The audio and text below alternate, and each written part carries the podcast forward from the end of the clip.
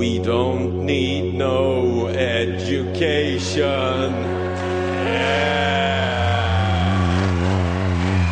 Välkomna till Flumskolan, vår folkbildande litteraturcirkel från Galago och Aftonbladet Kultur som spelas in live från Socialistiskt Forum på ABF-huset i Stockholm. Samtalsledare här på Flumskolan är som vanligt jag, Johannes Klenell. Inskrivna och redo för upprop i dagens avsnitt är inga mindre än Judith Kiros, skribent på Genusfolket, bloggar på pkmaffian.se och litteraturvetare.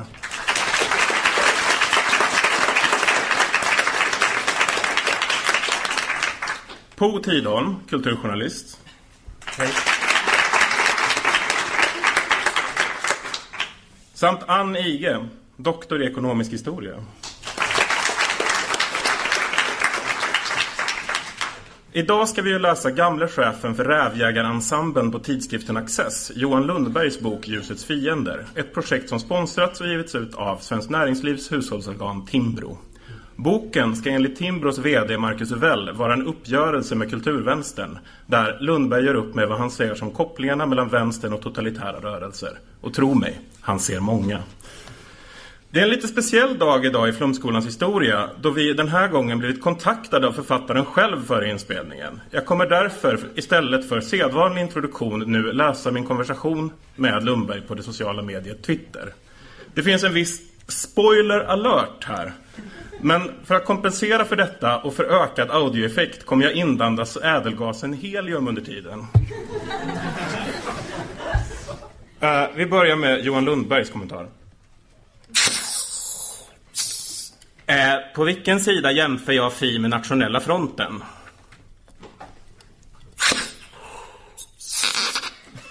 Listan med små extremistpartier.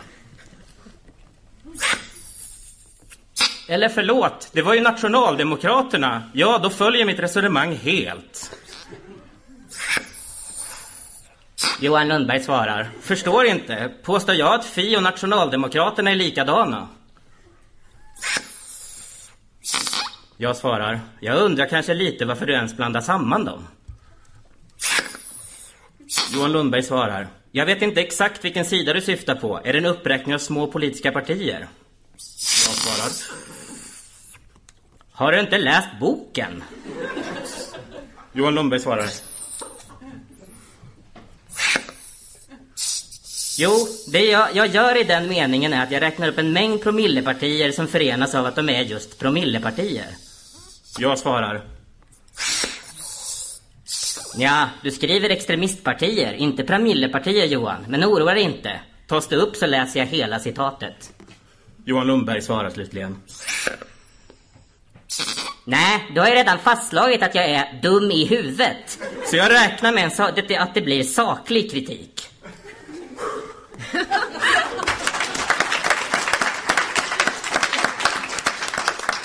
Usch. Jag har inte boffat så mycket i min historia så det var lite komplicerat.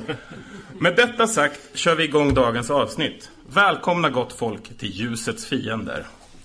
I bokens första kapitel berättar Lundberg om sin bakgrund som tonårig vänstersympatisör och hur han skrivit den här boken för att påvisa hur vänsterdebattörer genom sina positioneringar ställer sig mot det han beskriver som upplysningsideal som yttrandefrihet, äganderätt, demokratiska val och religionsfrihet.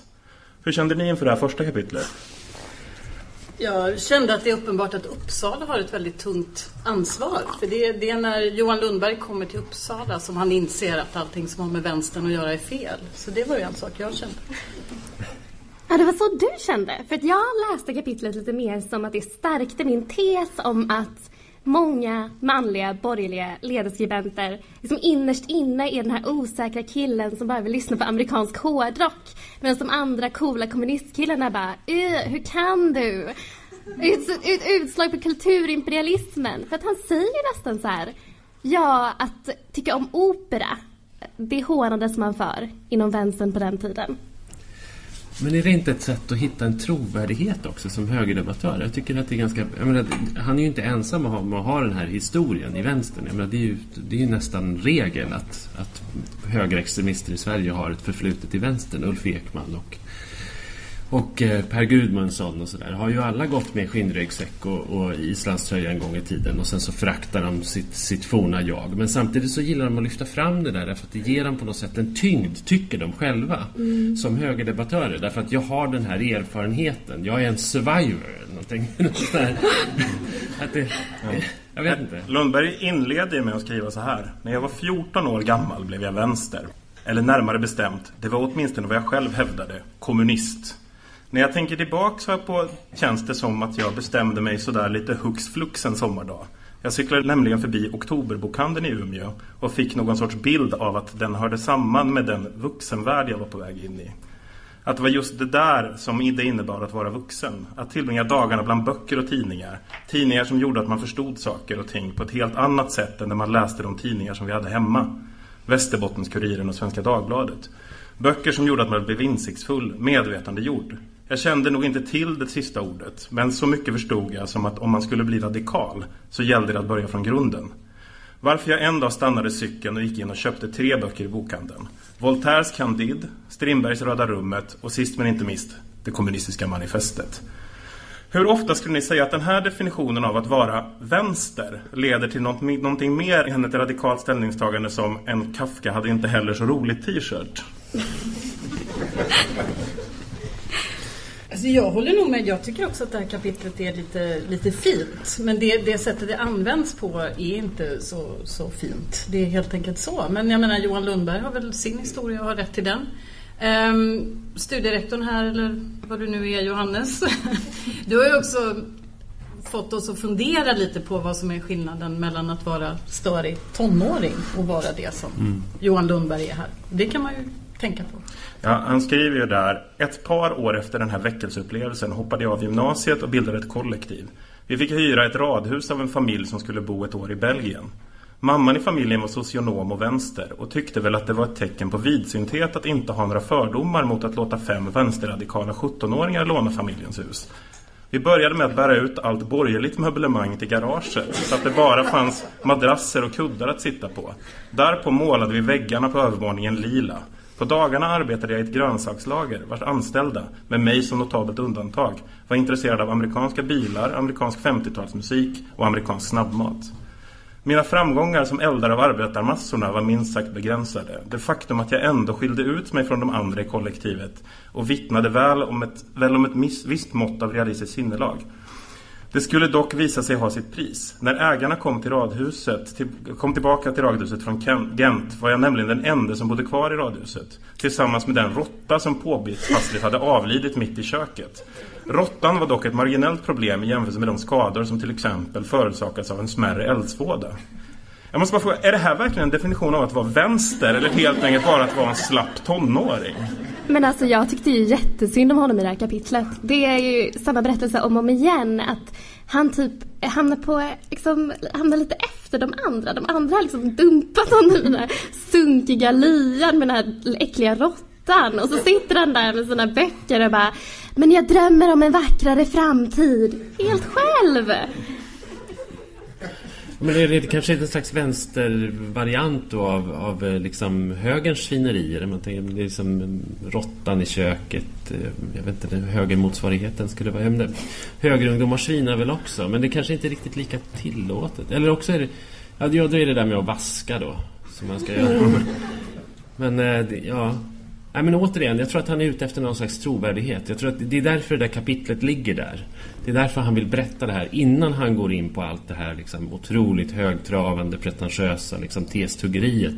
Så vill han berätta att han liksom, ett är människa, två har, har en liksom, djupare förståelse för vad vänstern egentligen är för någonting och ägnar sig åt. Att det liksom är, jag, tror att det, jag tror att det är det. Vi går vidare till uh Lundbergs syn på vad vänstern är och han anser att den går att läsa som en religion när han skriver Kommunismens karaktär av millenarisk och planetär fantasmagori har diskuterats flitigt på senare år. Den brittiska historien Norman Conn var, en, var först med att utreda de totalitära ideologiernas kopplingar till millenarismen eller kilianismen. Alltså det historiska idékomplex vars gemensamma nämnare är föreställningen om en storstädning av världen, en apokalyps som kommer följas av ett tusenårsrike. Alltså jag vet inte jag, men just världens undergång och ett stundande tusenårigt rike, är inte det rätt stora växlar att dra av att tycka att vi borde betala lite mer skatt, behandla våra lika och jämna ut klassklyftor, tycker ni? Vad säger du? Jo, men det blir, det blir ju roligare och det blir mer storslaget då. Kan man ju säga. Så, så det tycker jag... Eh, men alltså det här tar ju oss också in på, på rena ohederligheter i boken. Får man säga det? För det tycker jag faktiskt att det finns gott om. Alltså dels är det ju förstås inte sant att det här skulle vara första gången som någon drog de här kopplingarna. Och det, det är också så att han, han tycker väldigt mycket om att, att prata om människor som faktiskt har diskuterat religion och politisk teori mer än, än många andra. Och det är ju ett problem. Alltså när till exempel religionshistorikern Mattias Gardell gör det så, så blir det bara ondska. Och när Johan Lundberg gör det, då, då fungerar det helt plötsligt. Och det här tusenårsriket och så, jag måste bara börja med att säga, och det tror jag att ni också, det här första citatet. Ni vet om man gör en sån här fin bok, det vore ju roligt, den är jättefin med hårda pärmar och hela grejen. Så brukar man Sidor har den också. Ja, och man brukar ju lite gärna börja med ett, ett citat som, som liksom någonting man vill koppla sig till. Och vad Johan Lundberg gör är att ta ett citat av, av en person som heter Mattias Gardell. Eh, så det är ett av de första, eh, det första man möter förutom en, en dikt av, av Källgren. Och det här citatet då lyder Det existerande samhället måste demoleras, fullständigt förintas, in i minsta atom utplånas för att ett gott alternativ ska kunna etableras i dess ställe. Mattias Gardell. Så man, man undrar, om, om det står så så tänker man att den här personen driver den här tesen. Det är så man brukar, men man vill hitta ett bra citat av Sartre eller, eller Simone de Beauvoir eller så. Och vad Lundberg har gjort här är ju att ha klippt ett citat där Mattias Gardell analyserar Nation of Islam och Louis Farrakhan. Ja men det är det han har gjort. Och detta kan vi ju skratta åt. Jag hoppas att juristerna på Timbro skrattar. För så här får man ju inte göra. Men eh, ja, eller det kanske man får. Ja, ja nej, men det kommer vi komma in på ungefär 180 gånger under det här samtalet. Att han, att han är så selektiv så att han, han alltså, konsekvent är ju den här boken ett slags Alltså vad han ägnar sig åt sida upp och ner, sida ner i fyra, på 400 sidor är att anklaga andra människor för det han själv gör exakt precis hela tiden. Det, det är liksom vad boken, det är vad boken är. Den boken skulle kunna liksom fungera som kurslitteratur i, i liksom, på det sättet verkligen. Men det känns ju också lite orättvist kan man väl kalla det att alla som uttrycker någon form av systemkritik anklagar han ju basically för att vara någon form av apokalypsens riddare. Det är liksom, om jag säger jag tycker att SLs vintertrafik borde demoleras och byggas upp igen. Mm. Det kan man ju också kalla för någon form av liksom millenaristisk fantasmagori. Ja, det verkar vara helt utanför det möjligas gränser. Stämde det där? Bygga tunnelbana till Nacka. Det känns liksom som en ganska bekväm koppling att göra. Ja.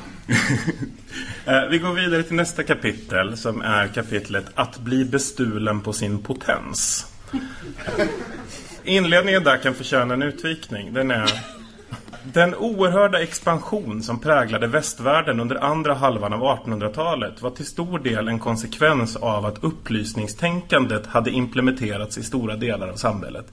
Rationaliteten och förnuftstron fick den kyrka som tidigare hade utgjort ett ramverk runt samhället att långsamt vittra ner.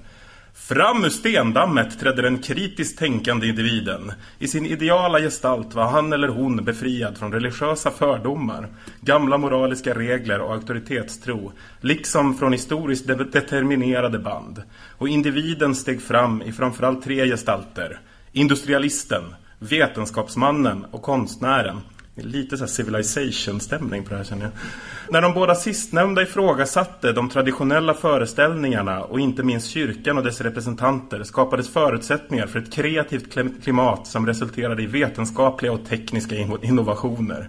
Detta gav i sin tur näring åt industrin som producerade det välstånd som var nödvändigt för att den välutbildade medelklassen skulle kunna expandera vilket bildade underlag för växande marknader för affärsidkare och industrialister. I kraft av sin utbildning förbättrade medelklassen också förutsättningarna för ännu fler innovationer. Och så snurrade hjulen i välståndskarusellen på. Snabbare, snabbare och snabbare. Alltså det här, jag, är lite, jag var lite allvarlig, men känns det inte som att Lundberg lite glömt en ganska relevant byggsten här? Alltså att Europas välstånd till stor del finansierats av kolonialismen. Eh, hans relation till kolonialismen tycker jag är jätteintressant i den här boken. För att det är liksom som att den dyker upp då och då. Eh, som att han bara, just det, det här hände ju. Och sen så säger han någonting i stil med, men jag tycker inte om att prata om sånt för det får kolonialismens offer att framstå som offer. Eh, liksom att det förslagna västvärlden har utnyttjat dessa hjälplösa människor. Och då känner jag att det kanske stämmer. det kanske var det som hände och att han blir lite så illa till mods när han inser att det är någonting som faktiskt skedde. Och då måste han liksom dra in det här med den rationella individen och eh, Europas välstånd som såklart bara, bara skedde. Alltså kolonialismen är inte det enda han har glömt i den här uppräkningen. Han har ju också liksom glömt att, att hela det där välståndet byggde egentligen på en helt oreglerad arbetsmarknad som förslavade massorna. Och att, och att den här, det här, det här liksom förnuftet och, och bildningen och upplysningstanken existerade i en liten, liten, liten elit. Så att jag menar, det har han ju också glömt bort. Men jag, ty jag tycker också att jag tycker också det är fascinerande för nästan alla, alla intellektuella i princip väljer ju ut en epok som är en slags mönsterepok som man liksom relaterar till. Så det, det, det har, vi, det har vi säkert allihop. Liksom. Jag, jag kan, jag menar, jag kan sådär gå tillbaka till kanske 1962 eller. Det, det kan så här, inte vet jag, men det kan vara, det kan, vara- det kan vara effektivt att, att gå tillbaka till en epok och liksom så att så var det då och där fanns det ett embryo till någonting som sen förstördes av dem. Och, och, det har ju, och det gör ju Johan Lundberg. Ja, det är bara att jag aldrig har stött på någon som liksom lyfter fram liksom det här grisiga 1800-tals-Europa som var halvfeodalt och där folk liksom bodde i små tegellådor i engelska industristäder och åt döda råttor. Jag har aldrig hört någon liksom lyfta fram den epoken just som någon slags mönsterepok. Så det var lite nytt för mig måste jag säga. Man kan ju säga om man är doktor i ekonomisk historia så har man ju stött på dem. Ja, ja, det-. Eh, men, men råttor har ju vanligt, alltså. Umeå också. Ja, ja nej, men det är klart att det är på ett sätt. Alltså, dels tänkte jag bara när du läste citatet Johannes, då tänkte jag att det är tur att, jo, att Johan Lundberg inte är skulptör. Faktiskt. För jag såg det här framträda framför mig. Alltså, jag tycker att, att Judith och, och Po har tagit fram några viktiga saker här. Men det är inte, alltså det här med hur viktig kolonialismen var, det är ju faktiskt en forskningsdebatt om man, om man vill. Men vad, vad Lundberg visade är ju att han är inte förmögen att tänka en materialistisk tanke överhuvudtaget. Och det är ju en sak att han väljer att inte att inte ställa sig där, att han inte väljer att tycka så, men han kan inte förstå hur människor som utgår ifrån någon sorts materiella förhållanden tänker. Och det kommer tillbaka om och om igen. Han förstår det inte, tror jag. Det är helt... Hur menar du då? Vad menar, vad- Jag menar att han tar ett helt idealistiskt perspektiv här när det är liksom, det är uppfinningsrikedom och sådana saker som är viktigt. Men, men det där fortsätter ju, han kan ju inte förstå att en, en människa faktiskt är missnöjd med om tunnelbanan funkar eller inte. eller om, om, om man får mer eller mindre lön eller så. Utan det är bara andra saker som är viktigt. Aldrig det där som känns på kroppen alltså. Han, han går in här lite på vilka det är som har förstört det här upplysningstänkandet. Och eh, jag hoppar lite röst här för att vi ska få med tiden. Men det är, han avslutar kapitlet med, för det är då alltså eh, kommunisterna, nazisterna och fascisterna som har krossat upplysningstänkandet. De totalitära någonstans. Och då avslutar han med att först skriva ner en dikt om revolutionären av den ryska anarkisten Sergej Netjatev och den här slutsatsen. Netjatevs text pekar med mardrömslik pregnans ut en personlighetstyp som vi skulle komma möta allt oftare under de följande drygt hundra åren.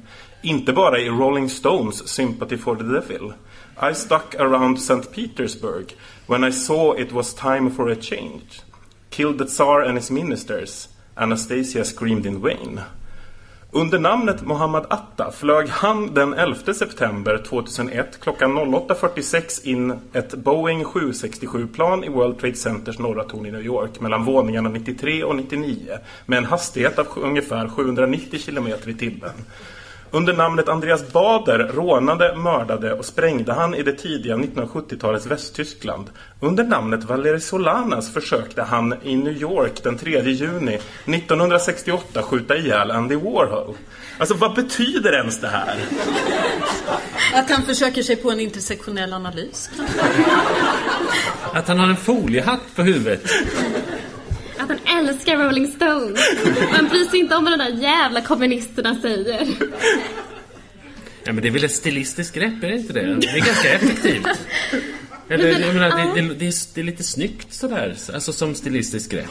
Men, men, men eh, Om jag försöker sätta på mig litteraturvetarglasögonen ett tag så tror jag väl att han försöker säga någonting så här Paradise Lost-liknande om så här djävulen man ändå blir förälskad i. Liksom den här komplexa, ondskefulla figuren. Men eh, det föll lite när jag kom till meningen om Valerie Solanas. Jag tänkte också med Valerie Solanas att det finns ju också att han kanske kunde ha behövt ett pronomen som jag inte tror att han är så himla förtjust i. Eftersom han hela tiden... Nu följer kapitlen Den otidsenlige universalisten och Från likhet till olikhet. Här dammas aktuella debatter av för att poängtera begreppet den tredje ståndpunkten. Alltså att väst skulle vara precis lika goda kålsupare som öst. Vad är det Lundberg vill påvisa med det här? beats me faktiskt. Att det är värt att lägga ner mer papper på någonting som har pratats om en massa gånger. Alltså, det mesta han går igenom där är ju, är ju så fullständigt genomtröskat redan. Uppgörelserna är gjorda av samma kulturvänster som han inte tycker om. Är det någon Artur Lundqvist har fått stryk av så är det de svenska feministerna. Alltså jag, jag förstår inte alls vad han är ute efter. Nej. Med det så går vi röst in på kapitlet Postmodern relativism. Och där kan man säga att, att kritisera postmodernism 2013 känns kanske lite som att kritisera användandet av minidisken. Det kanske inte är helt gångbart. Då är det knappt är någon som förespråkar den längre. Men vi ska göra ett försök. Vad tänkte ni om det här kapitlet? Po, jag vet att du hade en tanke. Ja, nej, men jag tycker det var fascinerande för att jag tycker att han... Alltså, nu är det ju så att Johan Lundberg är ju kulturkonservativ. Eller, alltså man måste ju förstå, man måste nog, man måste ju förstå honom ur den, ur den synvinkeln. Alltså jag, jag tycker att många av de slutsatser som han drar av, av liksom postmodernismens ondska är ju för, för mig egentligen synonyma. Men alltså postmodernismen förebådade ju det som, det, allt det som vänstern har tyckt illa om de senaste 30 åren. Alltså för mig är ju postmodernismens relativiserande, postmodernismens idé om att du kan skapa din egen identitet. Det, är, ett väldigt, alltså det är ett nyliberalt arv för mig. Och jag har inte liksom känslan av riktigt att Johan Lundberg på allvar, trots att han är kulturkonservativ, tar avstånd ifrån nyliberalismen eller så. Utan, utan jag tycker bara att det är ett konstigt felslut. Att han kritiserar postmodernismen men kommer till liksom någon helt spegelvänd slutsats. Jag, jag, jag begriper, förstår, förstår du? Men jag vet inte, jag tycker bara att det här är väl en... Alltså, det är ju helt enkelt en, en lång debatt. En lång debatt som har förts. Alltså där man inte kan komma springande med att det här måste vi prata om för det har ingen gjort förut. Det pratas om hela tiden, alltså mer än man pratar om minidisken, det är jag rätt övertygad om. Och, och, och därför så menar jag att, att det här är till exempel en debatt som har förts inom vänster mer än någon annanstans. Men verkligen. Det är ju väldigt, jag menar, det är som du, det är som du säger. Så högern har ju inte gjort så mycket här utan det är vänstern som har gjort, tagit den debatten. Men jag tycker också att han verkade irriterad genom hela kapitlet. Han skrev liksom saker som eh, Och så skriver X på sin som vanligt ogenomträngliga prosa. Eller akademisk snömosprosa. Att han verkade tycka att det var liksom jobbigt att läsa. Han bara, nu har jag tagit mig igenom den här skiten. Nu tycker jag skriva ett kapitel om det. Fast det kanske inte är så nödvändigt. Så kände jag. Alltså du är ju litteraturvetare, Ja. det är inte jag. Men jag, jag tänkte, och, och du är kulturjournalist. Jag måste fråga lite saker om det här med genrer. Får man göra det? Absolut. Alltså för jag tänkte att ett, alltså jag tror att det här är en sorts aha-prosa. Alltså han kommer på saker hela tiden. Sådär som Sherlock Holmes. Jag har kommit på någonting. Det, den känslan vill han ge oss hela tiden. Jag har kommit på någonting. Jag tycker dock att det ganska ofta blir lite kommissarie Clouseau mer än Sherlock Holmes. I vad han kommer fram till. Men jag, jag bara undrar. Men annars så tänkte jag också på ett begrepp som jag minns att jag stötte på med någon, liksom, någon dansk eh, poet som tog livet av sig. Men automatskrift. Ja, Ja, ni vet det kan här. det mycket väl vara. Här. Det kan vara det, eller Ja. hur? Ja. Att han liksom har satt sig ner och bara, nu kör jag. Så har han bara skrivit. Hallå? Jaha. Ska vi köra lite Nu. helium så vi höjer tonläget? Vi får lite fart på det igen. Men förstår ni vad jag menar? Att det är hela tiden den här känslan av att man ska... Han har kommit på någonting. Absolut, ja. Eh, att han ofta tar citat eh, som jag kanske skulle hålla med om. Så tar han och citerar någonting och sen säger han Kan man verkligen få säga så här? Och då blir jag lite så här Va? vad, var, vad var problemet med den här meningen? Men han tar inte upp det utan det är liksom mer så här Det räcker med citatet för att man ska få den här Nej-känslan. Det känns som att den är skriven på någon form av liberal kod nästan. Men det är ju därför det står ja så ofta i min bok i marginalen när han frågar det. Ja, skriver jag. När han frågar om man får säga det. Ja. Det var ju, det var ju en, alltså som läsupplevelse en väldigt outhärdlig tid. Alltså väldigt, trå, väldigt tråkigt och... Jag upplevde och- det som sjösjuka. Ja, men och det gjorde man ju också därför att, därför att det ofta är så här... Ja, men man, man, därför man sitter så här. Jaha, ja men nej, just det. Att det liksom är så här. Ja, men nu är han på väg mot en slutsats som nej, oh, vänta nu, nu blev det fel liksom. Och det blir på något sätt som att, alltså han är ju spränglärd. Han kan jättemycket och han kan citera och han har uppenbarligen, han har uppenbarligen läst allt liksom. Och han kan slänga sig, han citerar hit och dit, han kan slänga sig med namn. Eh, men eftersom han inte har Eftersom han förnekar förekomsten av strukturer så kan han liksom inte sätta in någonting i en kontext. Eller hur? Det är som att allting han skriver bara svävar fritt i någon slags... Ja, men... I någon liberal rymd sådär. Där, Jag tycker Och- och- låter det är väldigt väl- postmodernt. Ja, eller hur? Va? Och det är därför man blir sjösjuk av det. För jag hade också en sån känsla av liksom lätt illamående. Liksom, som att man, man tappar bäringen lite grann. Men, men, men vänta nu, den här, men den här personen stod ju inte alls för det här. Det, alltså, det, det som att komma, ja men det är, vad heter det, det här, eh, det här spegelhuset på, på Gröna Lund. Det är väl det också. också. Men heter inte det Lustiga huset? Ja, men det finns något annat då. ja. Vi går vidare till kapitlet Från skabb till shabab. Här lyfter Lundberg filmen Du är en fitta din fitta så här. Till de dramatiska tonerna av förvrängda kvinnoskrik och ljudet av en person som rotar bland skrot i vad som kan tänkas vara en ekande industrilokal sveper en kamera långsamt över två unga kvinnokroppar i linnen. Då och då skymtar vi en gevärskolv, då och då ett ansikte i rånarluva. En av kvinnorna står i motljus. Hon låter ett gevär vila mot axlarna, axlar och nacke. Sedan ser vi två maskerade kvinnor tillsammans. De håller i varsitt gevär. Då stryker en av kvinnorna vad som ser ut som en machete mot en kakelvägg. Sedan en bild på ett antal omaskerade män som riktar automatvapen mot de två kvinnorna som sitter på varsin stol. Kvinnorna sänker sina vapen, tar av sig rånarluvorna. Sedan höjer de vapnen igen, osäkra dem. Under tiden som detta sker hörs en kvinnlig spikröst som ett lika dramatiskt som indignerat tonfall läser upp ett antal namn. På män. Att jag skriver det här beror naturligtvis på att jag själv finns med bland de 18 namnen. Och jag visar mig vara i gott sällskap med statsministern, utbildningsministern, finansministern, en, en före detta ordförande i Högsta domstolen. Men där förekommer också namnet Anders Behring Breivik, den norske terroristen med 77 mord på sitt samvete. Likaså nämns den våldtäktsdömde före detta polismästaren i Uppsala. Göran Lindberg, en annan av de uppräknade, har uppenbarligen kvalat in i den illustra skaran därför att han på sin Facebook-sida publicerat en bild på en kvinna med hårig armhåla. Andra personers försyndelser består i att de framfört kritik mot Valery Solanas skummanifest. Han är i och för sig med bland namnen som räknas ut, men förutom sina egna versioner, varför har det här ganska okända konstverket förärats ett helt kapitel i boken, tror ni? Ja, men du har ju svarat på frågan. För att han är med. Ja, Och för att de har fått kulturstöd också va? ja det Är var ju purken över. För att eh, det är ju det är också så att det bisarra är ju att här, här, här, det här handlar ju om ett konstverk som han då kritiserar förekomsten av och att de får kulturstöd och sådär. För att sen i nästa kapitel gå in på att då idiotförklara alla som har de minsta liksom, små invändningar mot Lars Vilks och hans verksamhet. För det får man inte ha, därför att där är liksom yttrandefriheten helig. Men när det gäller det här verket så är yttrandefriheten, och alla andra verk också för övrigt som då kanske är mera vänster, då är ju yttrandefriheten inte helig, utan då kan den ifrågasättas. Men, men ja, det är, det är, väldigt, det är väldigt virrigt alltihop tycker jag. Men det, ja. Jag tycker att, eh, jag tycker att det var ganska konstigt att läsa det där kapitlet. För att det är ju ett konstverk, vilket jag även skrev i marginalen i min bok. Jag skrev så här. Det är ett konstverk, Johan. um, och sen så kopplar han ju, den heter ju Från Skab till Shabab för att han kopplar det här till en så här, terroristvideo. Som då inte är ett konstverk.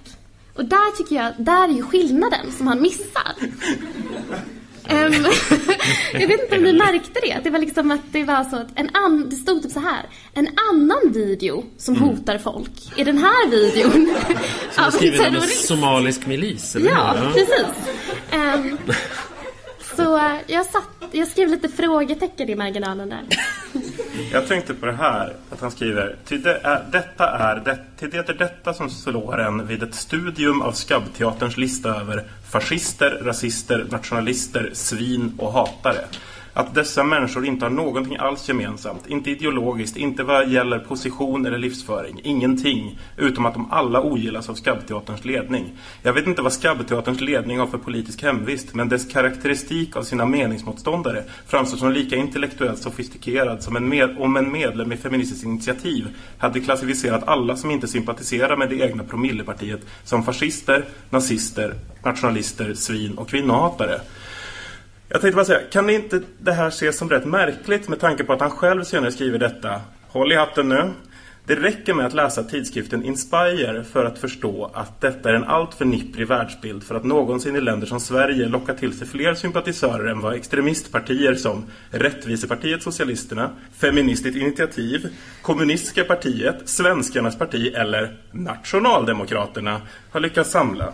Människor i gemen står inte upp ögonen varje morgon med en enda tanke i huvudet. Hur kunde han bara? Hur kunde Mustafa Kemal Atatürk avskaffa kalifatet 1924? Alltså varför tycker Johan Lundberg helt plötsligt att det är okej att mixa upp Feministiskt initiativ med Nationaldemokraterna?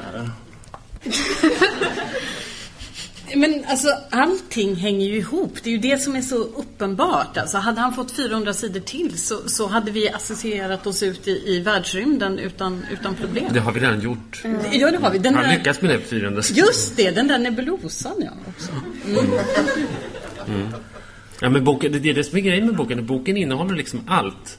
Det är som alla namn. Där, Timbro körde ju en smart marknadsföringskampanj. Släppte en lista med, med liksom personindex innan boken kom ut. Liksom, för, för att det skulle bli en snackis. Och den där listan innehåller ju nästan alla namn på, på liksom svensk kulturvänster. Så att, jag menar, och det gjorde ju att den där listan, det blev ju ingen snackis. Eh, Därför att alla var ju med. det var på något sätt så här, hade det varit lite selektivt så hade du, ja, nu nu ska jag släppt en, en, en bit av listan kanske. Men jag undrar, var det någon som såg listan och blev lite sur över att de inte var med? Ja, jag. Det var du. Jag! Nej, Vi får hoppas på, på del två. Men alltså, en Ja, sak. efter, det här, efter den här inspelningen så kommer det.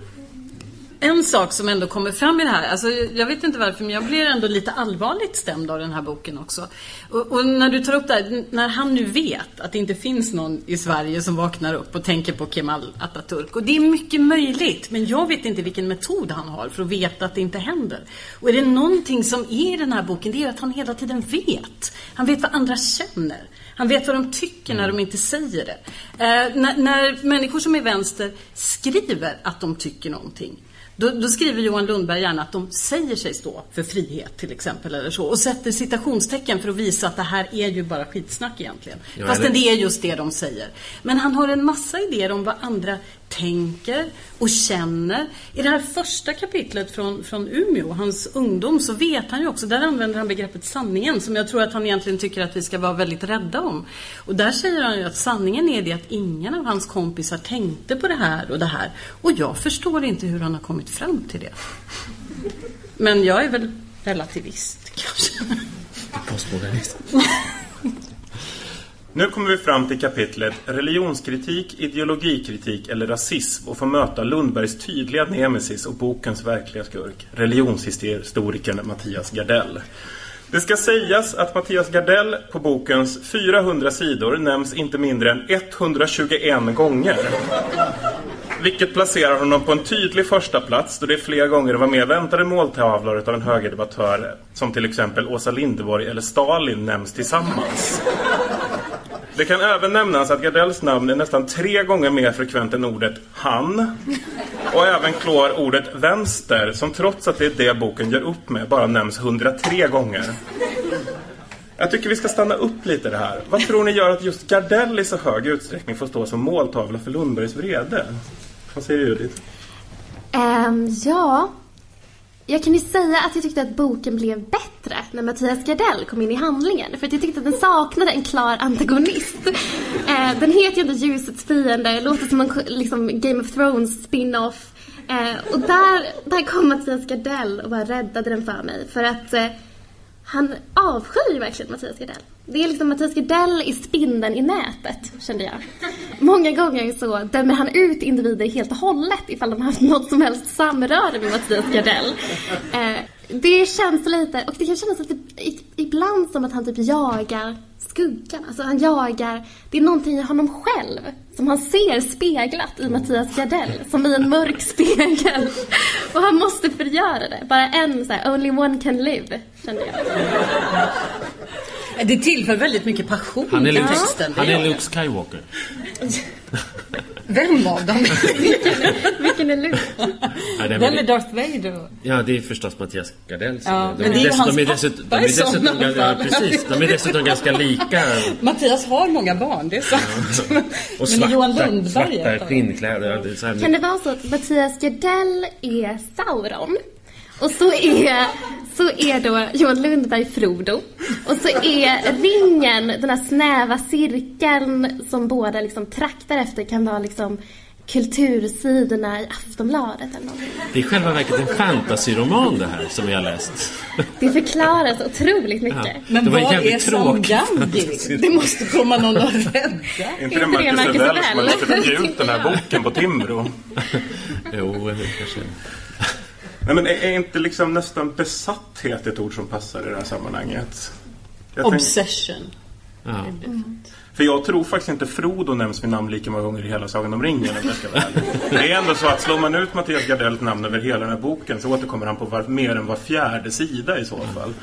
Och det, det, är liksom, det, det är faktiskt inte helt rimligt någonstans kan man säga. Nu är det inte så himla mycket som är rimligt med den här boken kanske, men just det tyckte jag ändå var så här det räddade min läsning någonstans tyckte jag. För att efter ett tag så började jag skratta högt. För han gjorde också någon sån intellektuell resa där han börjar med att sätta Mattias Gardell bredvid olika personer som han har varit i panelsamtal med någon gång som kan ha någon koppling till någon organisation någonstans. Sen gör han det så pass frekvent så att i slutändan så behöver han inte nämna den där personen i tredje ledet. Utan då är det bara att sätta Mattias Gardell bredvid personen så är det helt plötsligt fel på den debatten. Och det är alltså en jag tycker nästan att det borde ges ett pris till en så ohederlig väg att gå. Alltså, Och då har vi ändå inte gått in på hans sätt att citera Mattias Gardell heller. För, Men det kan därför för, för, för, för det är ju, det är ju konsekvent så att han, han plockar, han plockar ju citat precis hur som helst. Han kan ju till och med plocka citat som Mattias Gardell har tagit av någon av någon eh, liksom ayatolla eller vad inte fan vet jag. Och, och, sen, och sen så tillskriver han det Gardell och sen så har han hips vips liksom tillskrivit Gardell åsikter som han inte har givetvis. Och, och det gör han konsekvent rätt genom hela boken. Så det är ju, det är ju djupt ohederligt på det sättet. Så att jag vet inte hur man ska... Det är deprimerande bara. vad säger du om det? Nej men jag, så här det går ju inte att, att komma förbi det. Och det, det kanske gjorde att jag missade ett sätt att läsa boken som jag hade kunnat göra om inte till exempel det här första citatet. Där man genast förstår att det är någonting fel här. Det är någonting fishy, det bara är så. Ja. Nej, men eh, den allvarliga sidan är naturligtvis att man inte får göra så. Den, den goda sidan är, är kanske det som ni sa att det ändå skänkte en, en viss, ja, kanske inte precis spänning till läsningen. För, för det blir ju väldigt förutsägbart vad, vad som ska hända. Men, men nog kan jag ändå tänka därför att det är klart att men nu försöker jag behandla den här texten på ett sätt som ändå jag har ett lite lättsamt förhållande till den kanske. Men det är allvarligt, det är djupt allvarligt och det visar dessutom varför jag inte kan tro att den här kommer att flytta fram debatten på något sätt. För det finns liksom ingen sån utgångspunkt i det överhuvudtaget. Då går vi vidare till kapitlet Konsthat eller religionshat. I det här kapitlet tar Lundberg upp fyra fall av konsthändelser som debatterats. Lars Vilks rondellhund, Nuiks Territorial Pissing, Anna Odells Okänd kvinna 2009 349701 och hans egenproducerade utställning Figurationer. Vad tyckte ni om det här stycket? Oh. Tendensiöst och, och, och liksom tjafsigt. Jag vet inte. ja, men jag blir, jag, men, någonstans här i, i läsningen när det kommit så långt, jag, jag var så uppgiven. Liksom. Jag gillade det. Ja, vad bra. Faktiskt. Ja, nej, men jag tyckte att det var... Jag såg en liten glimt av personen vi hade sett i inledningen. Den här personen som bara vill vara med och leka och aldrig får. Um, det var ju liksom att han sa någonting i stil med så här... Uh, alla tyckte så himla mycket om den här Anna Odell-grejen men när jag hade min figurationerutställning sa folk att det påminde om konsten under Nazityskland. jag vill ju bara göra någonting fint. När det kommer till kritiken av Anna Odell så tyckte jag att det här var ganska roligt. Kritik riktades mot att Anna Odell tog polisens och psykiatrins tjänster i anspråk för sitt konstprojekt. Ett forum för denna kritik var Facebookgruppen Inga mer skattepengar till Konstfack som startades av det folkpartistiska oppositionsrådet i Norrköping, Mattias Sundin, och fick flera tusen medlemmar. De samhällsresurser Odell utnyttjade inom ramen för sitt projekt hade, menade hennes kritiker, kunnat användas av de som verkligen hade behov av hjälp från psykiatrin och polisen. Den sortens kritik från människor som kände sig upprörda och kränkta över makthavares, och då i synnerhet konstfacksledningens lättvindiga sätt att se på lagöverträdelse och vidlyftig hantering av skattemedel, fick kulturvärlden att mangrant sluta upp till konstfackstudenternas försvar. Alltså, om Lundberg anser att konstkritiker ska ta några tusen likes på Facebook som kräver inga fler skattemedel till Konstfack som ett argument i kulturdebatten. Bör vi då även ta bilden av Pikaninin från Tomteverkstaden Disneys jul med undertexten Gilla om du tycker det här är det bästa med julafton. Som fick typ 100 000 tummar upp förra året som ett relevant inlägg i kulturdebatten också. Ja. Ja, det är väl ett bra svar. Alltså, Lundberg är överhuvudtaget ganska förtjust i Facebook kan man säga. Alltså, det, det går ganska snabbt dit. Någon har skrivit någonting på Facebook och, och så, ja. Nej, men, nej, jag tror, jag tror att, att Judiths läsning här är, är helt korrekt faktiskt. Men jag tycker den är lite smärtsam också. Nej, men det är ju det. Det är en det, blandning. är, det är faktiskt, jag läste lite recensioner av boken och, och eh, Ann Heberlein skrev i sin recension att eh, vad som tonar fram i slutändan liksom, när man har läst den här boken är liksom bilden av en väldigt ensam man. Eh, och eh, det, det är ju väldigt grymt att skriva så men, men någonstans, någonstans håller man ju med liksom, att det, det är så. Vidare i konstdebatten så går han in på kapitlet Två tankar i huvudet. Och där fortsätter han argumentera kring Lars Vilks. Han skriver Nu bör det här redan här sägas att flera redaktörer, akademiker och kulturskribenter tagit parti för Vilks på ett entydigt sätt. Björn Wiman, Maria Schotenius, Per Baun, Sakine Maddon, Thomas Mattsson och P.J. Anders Linder var några av dem. Betydligt vanligare var dock, har dock varit att man slagit fast att man är för yttrandefrihet och att man tycker att Vilks bör få visa sina teckningar, men att resonera på det här sättet har både kulturskribenten Ulrika Knutsson och professorn i statsvetenskap Ulf Bjereld beskrivit i termer av att hålla två tankar i huvudet samtidigt. Just detta att hålla två tankar i huvudet samtidigt tycks ha blivit det i svensk kulturliv vanligaste sättet att förhålla sig till Lars Vilks rondellhund. Varför tror ni att Lundberg ogillar konceptet att hålla två tankar i huvudet samtidigt? Ja, för att det är jobbigt tror jag. Och det kan väl vara hans eh, rättighet. Men, men här kommer ju det här in hela tiden. Att, att han faktiskt tycker det. Att, att man måste ställa upp för Lars Vilks yttrandefrihet. Men sen får vi inte prata om det mer. Och det, så känns det. Och återigen så gör han ju det rakt genom hela boken samtidigt själv. Han, han som liksom försvarar yttrandefriheten. Men han har då givetvis rätt att ge sig på folk som har kontroversiella åsikter eller gör kontroversiella, eh, i hans ögon, kulturprojekt. Liksom. Eh, men, men när andra gör det, jag menar så att, nej, det, det är bara... Det är habit- det är Tredje ståndpunkten, det är också sådär. Ja, de precis, de det också- säger det är lika, lika kolsupare USA och Sovjetunionen. Då är det fel. Och sen så får han Ja, själv visst, köra det om precis hur många paralleller som helst. Ja, Så att visst. det, ja. Jag tänker bara rösa igenom några kapitel här som är kapitlet Höger om, vänster om och de judiska barnen som försvann. Här beskriver Lundberg ett terrordåd som begåtts i Frankrike av av Mohammed Mera. Något som givetvis inte ska förringas på något vis annat än som fruktansvärda handlingar. Men han jämför det här med Breiviks handlingar och jämför mellan dem och hur mediebevakningen har varit. Jag kände personligen mest att det här var ganska osmakligt att försöka göra en politisk poäng på andra människors död genom att ställa mördare mot mördare och därför så tycker jag att vi bara skiter i de kapitlen helt enkelt. Om inte ni känner att det finns något att tillföra där. Nej, De var ju dessutom väldigt tjatiga. Det, det pågick ju då någon slags uppräkningar liksom på sida efter sida av olika, olika personer som är misshagliga enligt honom och som, som sablas ner. Olika exempel i kulturdebatten. Det blev, det, det blev väldigt tjatigt och när det kom fram till det där så det där har ju redan eh, diskuterats. Han ger sig på Anders Lindberg på Aftonbladet till exempel på ett extremt ohederligt sätt. Han har ju liksom klippt ut saker och lyckats få Anders Lindberg att framstå som antisemit när han är i själva verket en av de som diskuterar antisemitismens problem. En, en av de som driver de frågorna mest i svensk media. Eh, och det har han ju redan fått på tafsen för och inte kunnat försvara sig mot vad jag förstår. Så att det är väl liksom utagerat kanske. Jag känner att vi behöver skynda på lite. Så jag tänker gå direkt på avslutningen här. Ehm, faktiskt. Vi, vi tar och summerar de andra bitarna lite snabbt sen. Men avslutningen heter Epilog Husby 2013. Johan Lundberg gör här en sorts Street of Philadelphia-tolkning där han vandrar runt i Husby och tänker. Han kommer fram till detta. Jag har funderat på om det inte var det största privilegiet som jag själv hade av att växa upp under 60 och 70-talen som man och med icke-utlandsfödda föräldrar. Att man aldrig kunde bortförklara sina motgångar med utgångspunkt i några förtryckande strukturer. Istället fick man alltid rannsaka sig själv och försöka hitta sätt att antingen leva med sina brister eller också åtgärda dem. Det var just då inte alltid så roligt, men i efterband har jag insett hur mycket det betydde för att jag lyckats med det lilla som jag tycker mig ha lyckats med. Menar alltså Lundberg att hans stora privilegium i livet är att han är så privilegierad att han inte är privilegierad? Grattis!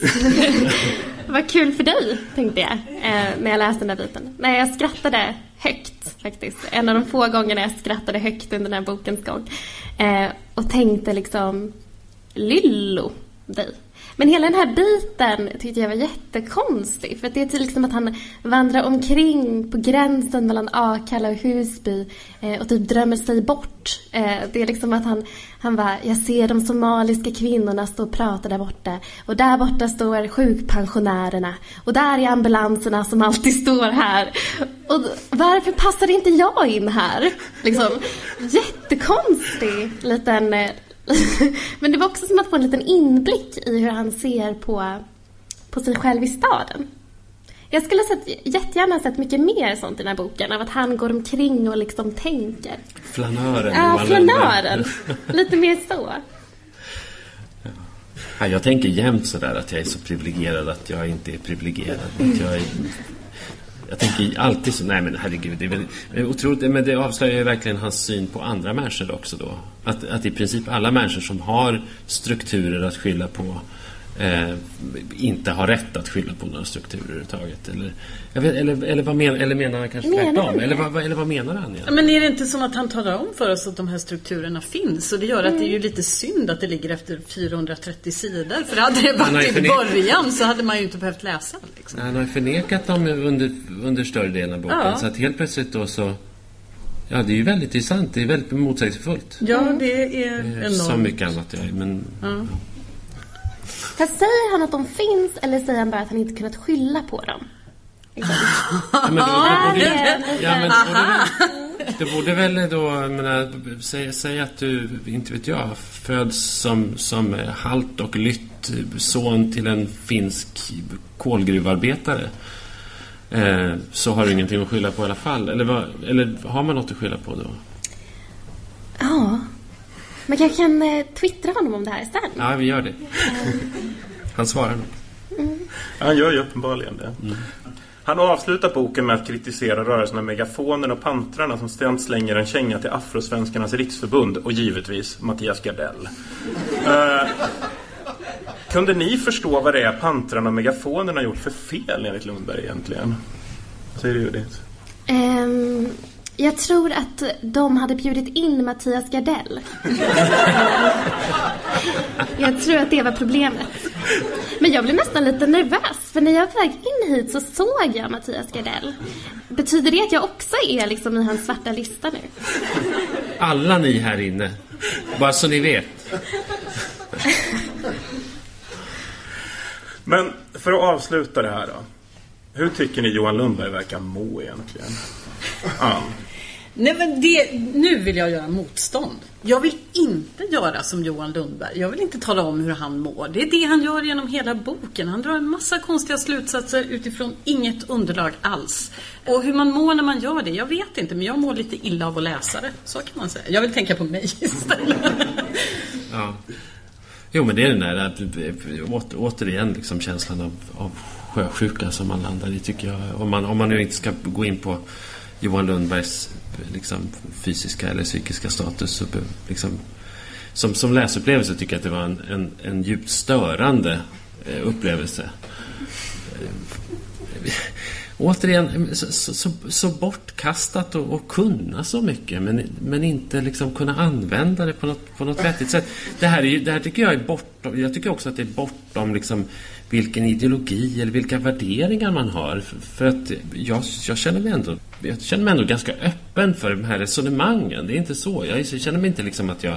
Jag känner mig inte defensiv eller belastad själv eller så. Utan jag, jag tycker bara att det liksom är felslut på felslut. Och sen, och sen detta djupt ohederliga bruk av, av liksom fakta och citat.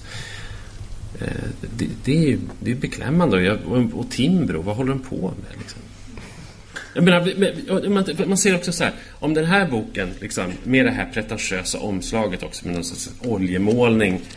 Vad, vad är det? Jo, och det, det här är väl en... Eh, det är, någon, det är en oljemålning på en, en Karl Johan-soffa. Alltså den, eh, Karl Johan är ju den, alltså den svenska empirstilen. Så det här ska väl då vara någonstans kring 1860 eller något sånt där. Det, det, är det, hans, det är hans epok, liksom, som man ser på det här omslaget. Och det är en väldigt så här, stilla bild där solljuset faller in i liksom, någon slags stadsvåning eller sånt där man ser den här miljön. Och det här är då liksom den svenska borgerlighetens BHL. Alltså Bernard Henry Levy. Att, att, det, att det här är liksom deras, deras dröm, deras våta dröm om att ta plats på Parnassen. Att liksom få, att få vara med i den, liksom, bland högdjuren. Det här är deras intellektuella. Och det här är därför de har satsat. De har gett honom pengar så att han har kunnat leva gott och sitta och skriva den här boken. Och de har bundit in den vackert och de har gjort det här fina omslaget. Och de har typograferat den så att den ska se ut som liksom en, en, en riktigt tung intellektuell produkt. Och det här är vad som kom ut av det. Den Man kanske ska fråga sig hur den svenska högern mår istället.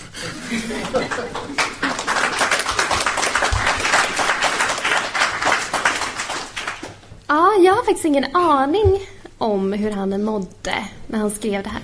Eh, vissa bitar verkade han ju njuta av. Vissa bitar kanske han tyckte var lite jobbiga. Eh, jag vet faktiskt inte riktigt. Men eh, jag tänker på eh, att jag återkommer hela tiden till varför skrev han den här boken? Alltså vad är den till för? Vad tjänar den för funktion? Och jag vet inte om det är för att jag blev påverkad av hela den här fantasykänslan. Men jag fick nästan en känsla av att det liksom är en ond bok. som har som syfte att ytterligare radikalisera vänstern. För att när jag började läsa den så tänkte jag så här, demokrati och yttrandefrihet var fint. Men sen mot slutet så kände jag, fast måste alla böcker verkligen publiceras? Kan inte vissa böcker, jag nämner inga titlar, kanske hellre sätt, liksom läggas i en kista, låsas in och sen dumpas på havets botten? Lite snabbt som avslutning nu då. Vad har ni lärt er av att läsa den här boken? Ann? Nej, jag, jag tänker mycket på det där med att, att man egentligen man ska ha med sig det här grundläggande att man tror att någon menar vad de säger eller vad de skriver. Eh, och, och, det är ju någonting som Johan Lundberg på något vis helt tappar bort. Och det är en av de sakerna som gör mig mest förvirrad. Att jag vet inte ens riktigt. Så jag kanske har lärt mig att jag måste, jag måste börja våga tänka så igen. Att folk menar vad de skriver. Men just nu så är det lite, är det lite stört hos mig. Mm. På. Jag, jag, jag, känner nog att jag, att jag skulle... Jag känner någon, faktiskt ändå så att det väckte någon slags kunskapstörst hos mig. Att jag kände att så här, nu, nu vill jag läsa om hur det egentligen är med de här sakerna. Eh, det var väl det jag kände, tror jag. Ja, vilken positiv upplevelse. Jag kände eh, att jag lärde mig att eh, aldrig försöka läsa en sån här bok igen. För jag gjorde det på kanske fem timmar. Det var som att gå in i liksom en så här sal fylld av mörker och så här, händer som rörde en i ansiktet. Det var jättebehagligt. eh, och det är liksom ingenting jag vill uppleva igen. En snedtripp, Ja, det var, så, det var som en snedtripp. Jag har i alla fall lärt mig att det går att bli sjösjuk av att läsa en bok. Att jag inte tror att jag vill bo i kollektiv med Johan Lundberg. Och att även det hemskaste kan bli skoj med lite helium.